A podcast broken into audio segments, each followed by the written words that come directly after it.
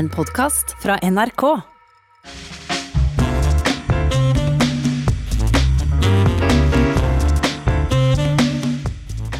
Så er det både dag og tid for å ønske NHO-direktør eh, Ole Erik Almli velkommen som gjest.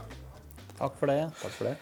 Gårsdagen skulle jo er, eh, egentlig være din og næringslivets hovedorganisasjons store dag, med årskonferanse og en middag der eh, du skulle være vertskap for alt som kunne krype og gå i den norske samfunnseliten. Men eh, slik skulle det ikke gå. Men likevel er det en slags optimisme i, i budskapen du og NHO kommer med. Ja, vi prøver jo Eller vi ble jo veldig hemmet av smitteverntiltakene vi har. Altså, sånn var det jo. Det er noe helt forventet det, at det ble sånn. Vi fikk jo gjennomført en digital konferanse i går som vi var fornøyd med. Men vi prøvde også i går å strekke litt sånn perspektivet litt utover den krisen vi er i dag. Og vise at vi skal klare å skape det vi sa da 250 000 nye jobber i løpet av dette tiåret. Selv om vi nå har et bakteppe som er veldig spesielt og veldig vanskelig for mange. Ja, Koronaåret var en god start på klimatiåret, skrev du og NHO-president David Moss i en artikkel i gårsdagens Aftenposten. Ja, vi har, jo, vi har jo sagt at eh, det er utvilsomt slik at 2020 blir huska som det store pandemiåret. Det er noe sånn det er. Men vi har også sett at eh, mange bedrifter og egentlig hele norsk næringsliv har tatt store steg nå i 2020 og inn i 2021 som jeg tror kommer til å utløse mange arbeidsplasser og mye ny virksomhet som ivaretar behovet både for å skape jobber, men også kutte utslipp. Så klima ble business i 2020, bruker jeg ofte å si da. Ja, for la oss holde fast ved den optimismen. Vi eh, trenger litt av det akkurat eh, nå, nå ved et årsskifte som ikke akkurat utmerker seg med den, den store framtidsoptimismen. For, for, jeg registrerer at du hevder at mange bedrifter har tatt imponerende store sprang i 2020. Rett og slett fordi de ser at det er en økonomisk framtid i klimateknologi. Ja, det tror jeg virkelig vi kan eh, nesten dokumentere. Vi kommer til å se det enda mer nå i 2021. Eh, vi ser det på type hydrogen, eh, karbonfangst og -lagring, batteriproduksjon, sjømat. Vi kommer til å se det nå veldig på havvindsiden. Så dette er store industrielle løft som vi kommer til å få sett mer av nå i år.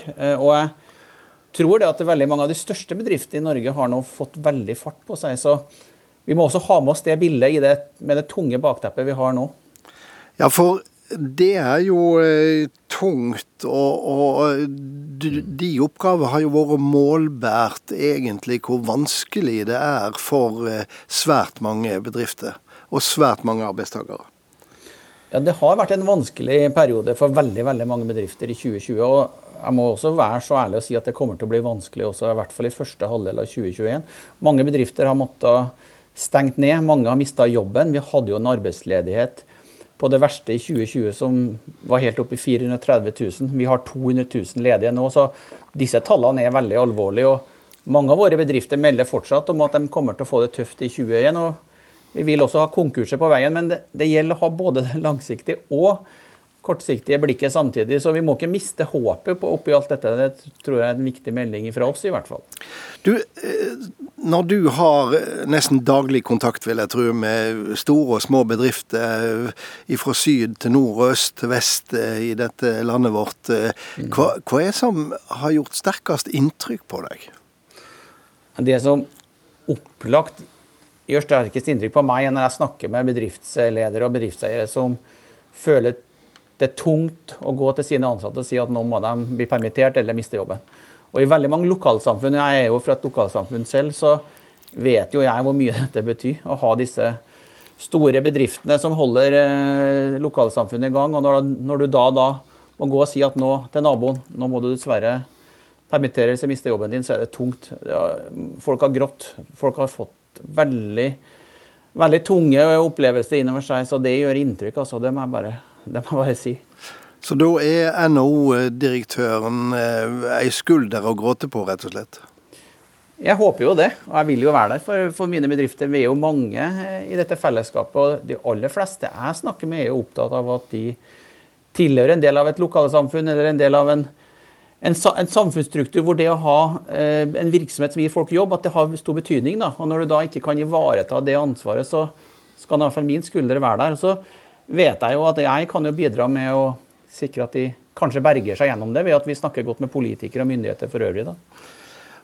Apropos dette med skulder. Eh, NHO-sjef Ole Erik Almli og LO-leder Hans Christian Gabrielsen har forbilledlig stått skulder ved skulder, eh, skrev kommentator Kjell Werner i, i eh, A-pressen her for ei stund siden. Jeg var veldig glad over å lese den kommentaren, for at jeg opplevde på samme måte at jeg og Hans Christian har stått sammen når det var mest behov for det gjennom 2020. Jeg håper også vi fortsetter å gjøre det. fordi at LO og NO har en del motsetninger. Sånn er det alltid. Vi skal jo av og til eh, krangle om noe, men i det store og hele så har vi det samme ønsket. Og det å sikre at vi har et godt samfunn, at det er gode liv for folk, og at folk har jobb. Så vi har brukt mye tid sammen, jeg og Hans Christian, gjennom 2020 for å stå sammen når det virkelig gjelder. Det, det har vi prioritert, og det tror jeg vi kommer til å fortsette å gjøre. Er LO-lederen eh, blitt en av dine venner? Ja, det håper jeg nesten jeg kan si. Og jeg sa jo på det, på det mest heftige så var jeg jo mer sammen med Hans Christian enn jeg var sammen med kona mi. Selv om vi satt hjemme begge to. Så, så det, så vi jo, men vi har jo behov for å ha en relasjon, samtidig som vi skal respektere at vi har også ulike roller. Og at ved mange sammenhenger så må vi også representere forskjellige interesser. Men i det store og hele så ønsker vi jo begge to. At vi skal stå opp for et samfunn som, som, vi er så glad i, begge to. Og Både LO og NHOs medlemmer er jo tjent med at vi samarbeider. Men likevel så er det nok mange som lurer på hvordan det er mulig når du representerer arbeidsgiverne og, og Hans Christian Gabrielsen, de mange på, på gulvet? Ja da, jeg kan skjønne det. Og det er jo en del ulike interesser for eksempel, som kan komme til eh, syne i et lønnsoppgjør. Så vi klarer fint å håndtere det. og vi har jo ofte diskusjoner om det er pensjons... eller hva det måtte være. så Sånn er det. Men i bunn og grunn så må man likevel ha gjensidig respekt for hverandre og respektere at man står for mye av det samme. Vi har jo også i tidligere eh, tider sett hvordan LO-sjefer og NHO-sjefer har stått sammen når det virkelig blåser. og Kalle Glad og Yngve Haagensen er jo et godt eksempel på hvordan det er godt mulig å samarbeide og likevel ha respekt for at det kan være noen uenigheter innimellom også. Og Da er vi tilbake til eh, det såkalte solidaritetsalternativet, som kom midt i en økonomisk svært vanskelig eh, periode tidlig på 90-tallet for, for eh, eh, Norge.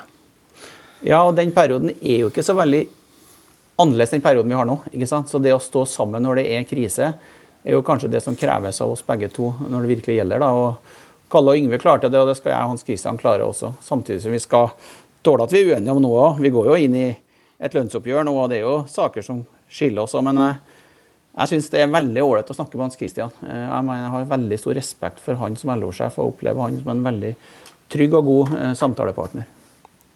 Ja, Det er jo litt av en attest å ha på CV-en, det også for en LO-leder? Jeg håper jo håper han ser på det på samme måten, Harald. Det håper jeg jo. Vi skal snakke mer med deg, eh, Ole Erik Almli, ikke minst om hva som er eh, din egen bakgrunn og din egen drivkraft for det engasjementet du har.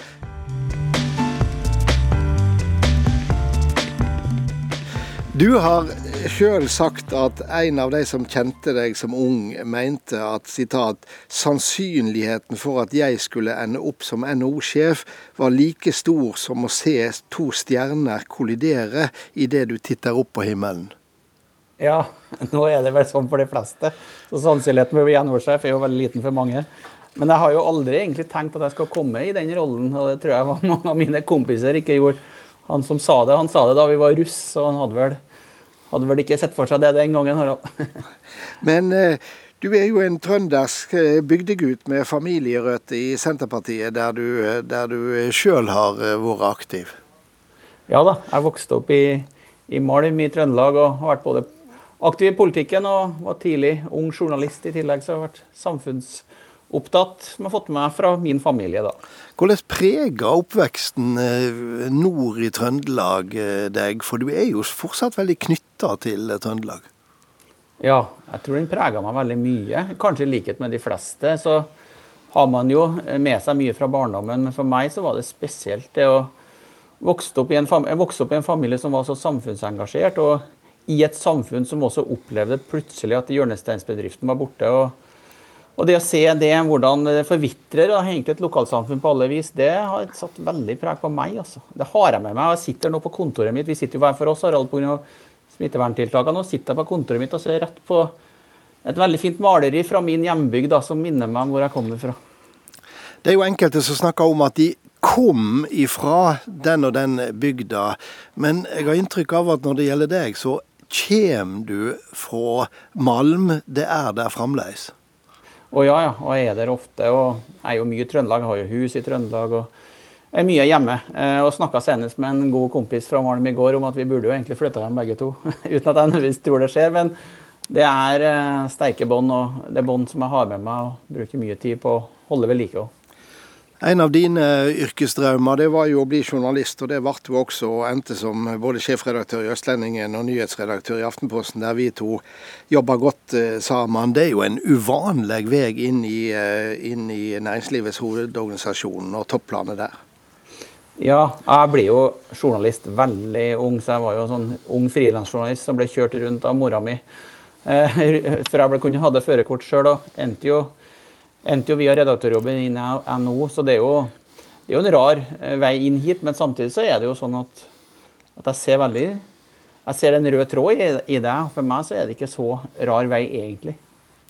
Men det må være ganske stor forskjell på å se media fra medieståstaden og det det å se den innafra eh, NHO. Ja, ja, det er det. Og jeg skulle egentlig ønske at jeg gått andre veien. vet du. At en skulle hatt med seg erfaringen som NHO-sjef inn i journalistikken. For jeg tror jeg kanskje kunne hatt litt sånn annet syn på hvordan blant annet politikk utføres. Nei, jeg har at vi får finne på noe sammen på et tidspunkt der, men, men jeg får gjøre dette først. Men, men, eh, nei, det er et godt poeng, altså, for det er forskjellige perspektiver. Men, men det er jo perspektivet på samfunnsutvikling sett fra to steder som også som jeg har veldig stor glede av å oppleve de to perspektivene eh, nå. da. Men, og Dette er kanskje ikke noe du er så eh, begeistra for å snakke om, men, men, du var jo også født for tidlig med en hjerneskade som betyr at du har cerebral parese. og Det gjorde opptrening eh, til en nødvendighet og en overlevelse. Men faren din han slo fast at vi kjører på, du hadde alle muligheter. Du har alle muligheter. Det er ganske sterkt. Ja, det var jo en sånn litt rar start på livet for så vidt. da, Å bli født to måneder for tidlig i den tiden og få, få en hjerneskade som gjorde at jeg ble litt handikappa. Men det har ikke det ikke prega meg i noe negativ art. Bitte litt kanskje, men ikke noe stor negativ art. Men det har vært veldig sånn viktig for min, mitt syn på livet. da. Så jeg har jo egentlig ettertid sagt at det var Jeg er ikke sikker på at jeg kom dit jeg er hvis ikke jeg hadde opplevd det der gjennom eh, de første årene. Så. Så det, det, er ingen vond opplevelse å ha med seg. Og jeg har jo, har jo, lever jo et veldig godt liv nå. Har jo på alle, måter, alle mulige måter fint med, det, med, den skaden som jeg fikk da. Men samtidig så er vel det ei oppveksthistorie som, eh, som har prega deg?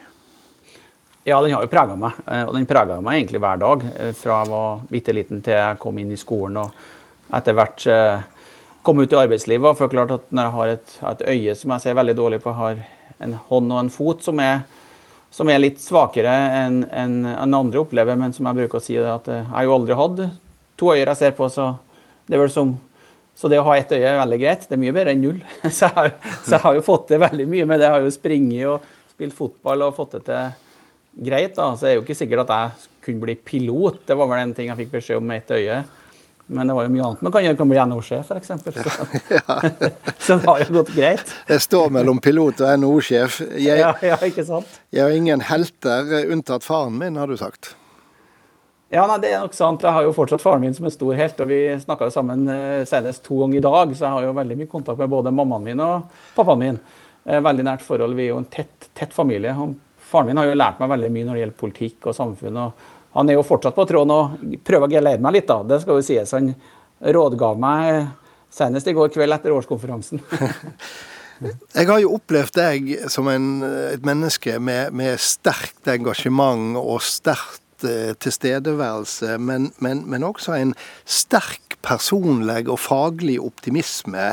Er det i oppveksthistorien en finner nøkkelen til den? Ja, det tror jeg faktisk. Fordi at, ja, det tror jeg. Eh, litt fordi at du blir jo preget av det som det snakkes rundt kjøkkenbordet eh, hver dag. Eh, og i den familien og, eh, og familiens eh, ånd, da, så føler du at du har med deg det. Men også det samfunnet jeg vokste opp i, så var du egentlig det var muligheter, og det var muligheter til å få til ting. Og så gikk det litt dårlig i det samfunnet, men så gikk det også bra etter hvert. Så nå har jeg jo, jeg jo hatt med meg det, og jeg er jo grunnleggende optimist reelt sett. Og det er nesten en klisjé å si, men jeg tror det er viktig å ha med seg akkurat nå. fordi at det kommer til å gå bra nå, både med det ene og andre, også i den krisen vi står i. Men jeg er jo jeg er optimist, men det krever handling, da, Harald. Det gjør det. Det krever handling, og det kommer til å kreve handling også nå. Det gjør seg ikke sjøl. Men du må tro på det. Du må tro på det. Vi begynte samtalen med deg med optimisme. Vi avslutta med optimisme. Det er slett ikke det verste å avslutte eh, med Ole Erik Almli. Tusen takk for praten, og lykke til. Og så runder jeg av med min faste kommentar. Her er denne ukas Stang inn, stang ut. Det er voldsomt når naturen så nådeløst herjer som den gjorde natt til den nest siste dagen i året som nettopp er vårt historie. Brått var tilværet til mennesker på Ask i Gjerdrum snudd på hodet. Like brått var trygge heimer slukt i krateret etter et voldsomt kvikkleireskred. Ti mennesker mista livet, og mange, mange flere ble heimløse. For alle de heimløse må det være ubegripelig tungt å gå de første skritta mot en ny tilværelse. Finne seg nye heimer og igjen etablere seg med alt det en har mista i minnet. Nå er det nettopp dette mange skal gjennomleve. Men med seg har de et heilt lokalsamfunn. For den dramatiske historien om leirraset i Gjerdrum er også historien om hjelperessursene som fant hverandre. Om mennesker som stilte opp for de ramma, og om en kommune og en ordfører som var der for de som hadde mista noen av sine. De som hadde mista heimene sine, og for de som opplevde det totale kaoset rundt seg. Mange av de som ble råka, har gitt uttrykk for takksemd for det som blir eh, gjort. Og sett utenfra var det rørende å se hvor mange som stilte opp. Som gjorde det som om det var noe sjølsagt, og som slik signaliserte at det da også er noe sjølsagt at vi stiller opp for hverandre når katastrofer råker. Nettopp i ei mørk tid er det all grunn til å merke seg slikt. Legge seg det på minnet, og la oss oppmuntre av det i dager som slett ikke er av de enkleste. To lærdommer kan vi kanskje alt nå peke på etter leirraset. Den ene er at vi så et redningsarbeid der de ulike etatene fungerte som en heilskap, som utfylte hverandre slik de skal gjøre. Det er ikke sjølsagt, det har vi smertelig erfart fra andre store kriser. Den andre lærdommen er den eh, påminninga vi oftere og oftere får om at naturen går sine egne veier, men også at det kan skje som følge av de ulike påvirknadene vi mennesker representerer. Det er gjerne slikt som er med på å skape det store bildet rundt den enkelte hendinga. Men likevel er det kanskje like viktig å ta vare på minnet om alle som stiller opp, som gjør ei katastrofe til en dugnad for å hjelpe, mennesker som hver for seg stiller med sitt bidrag, og som på dette viset i fellesskap skaper det løftet som skal til for at de som er råka, ikke mister motet, men finner noe å gå videre på. Slikt gjør godt å se på, også om bakgrunnen for det er nettopp ei katastrofe. God helg.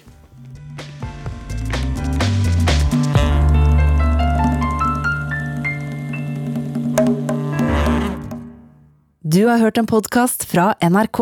Hør flere podkaster og din NRK-kanal i appen NRK Radio.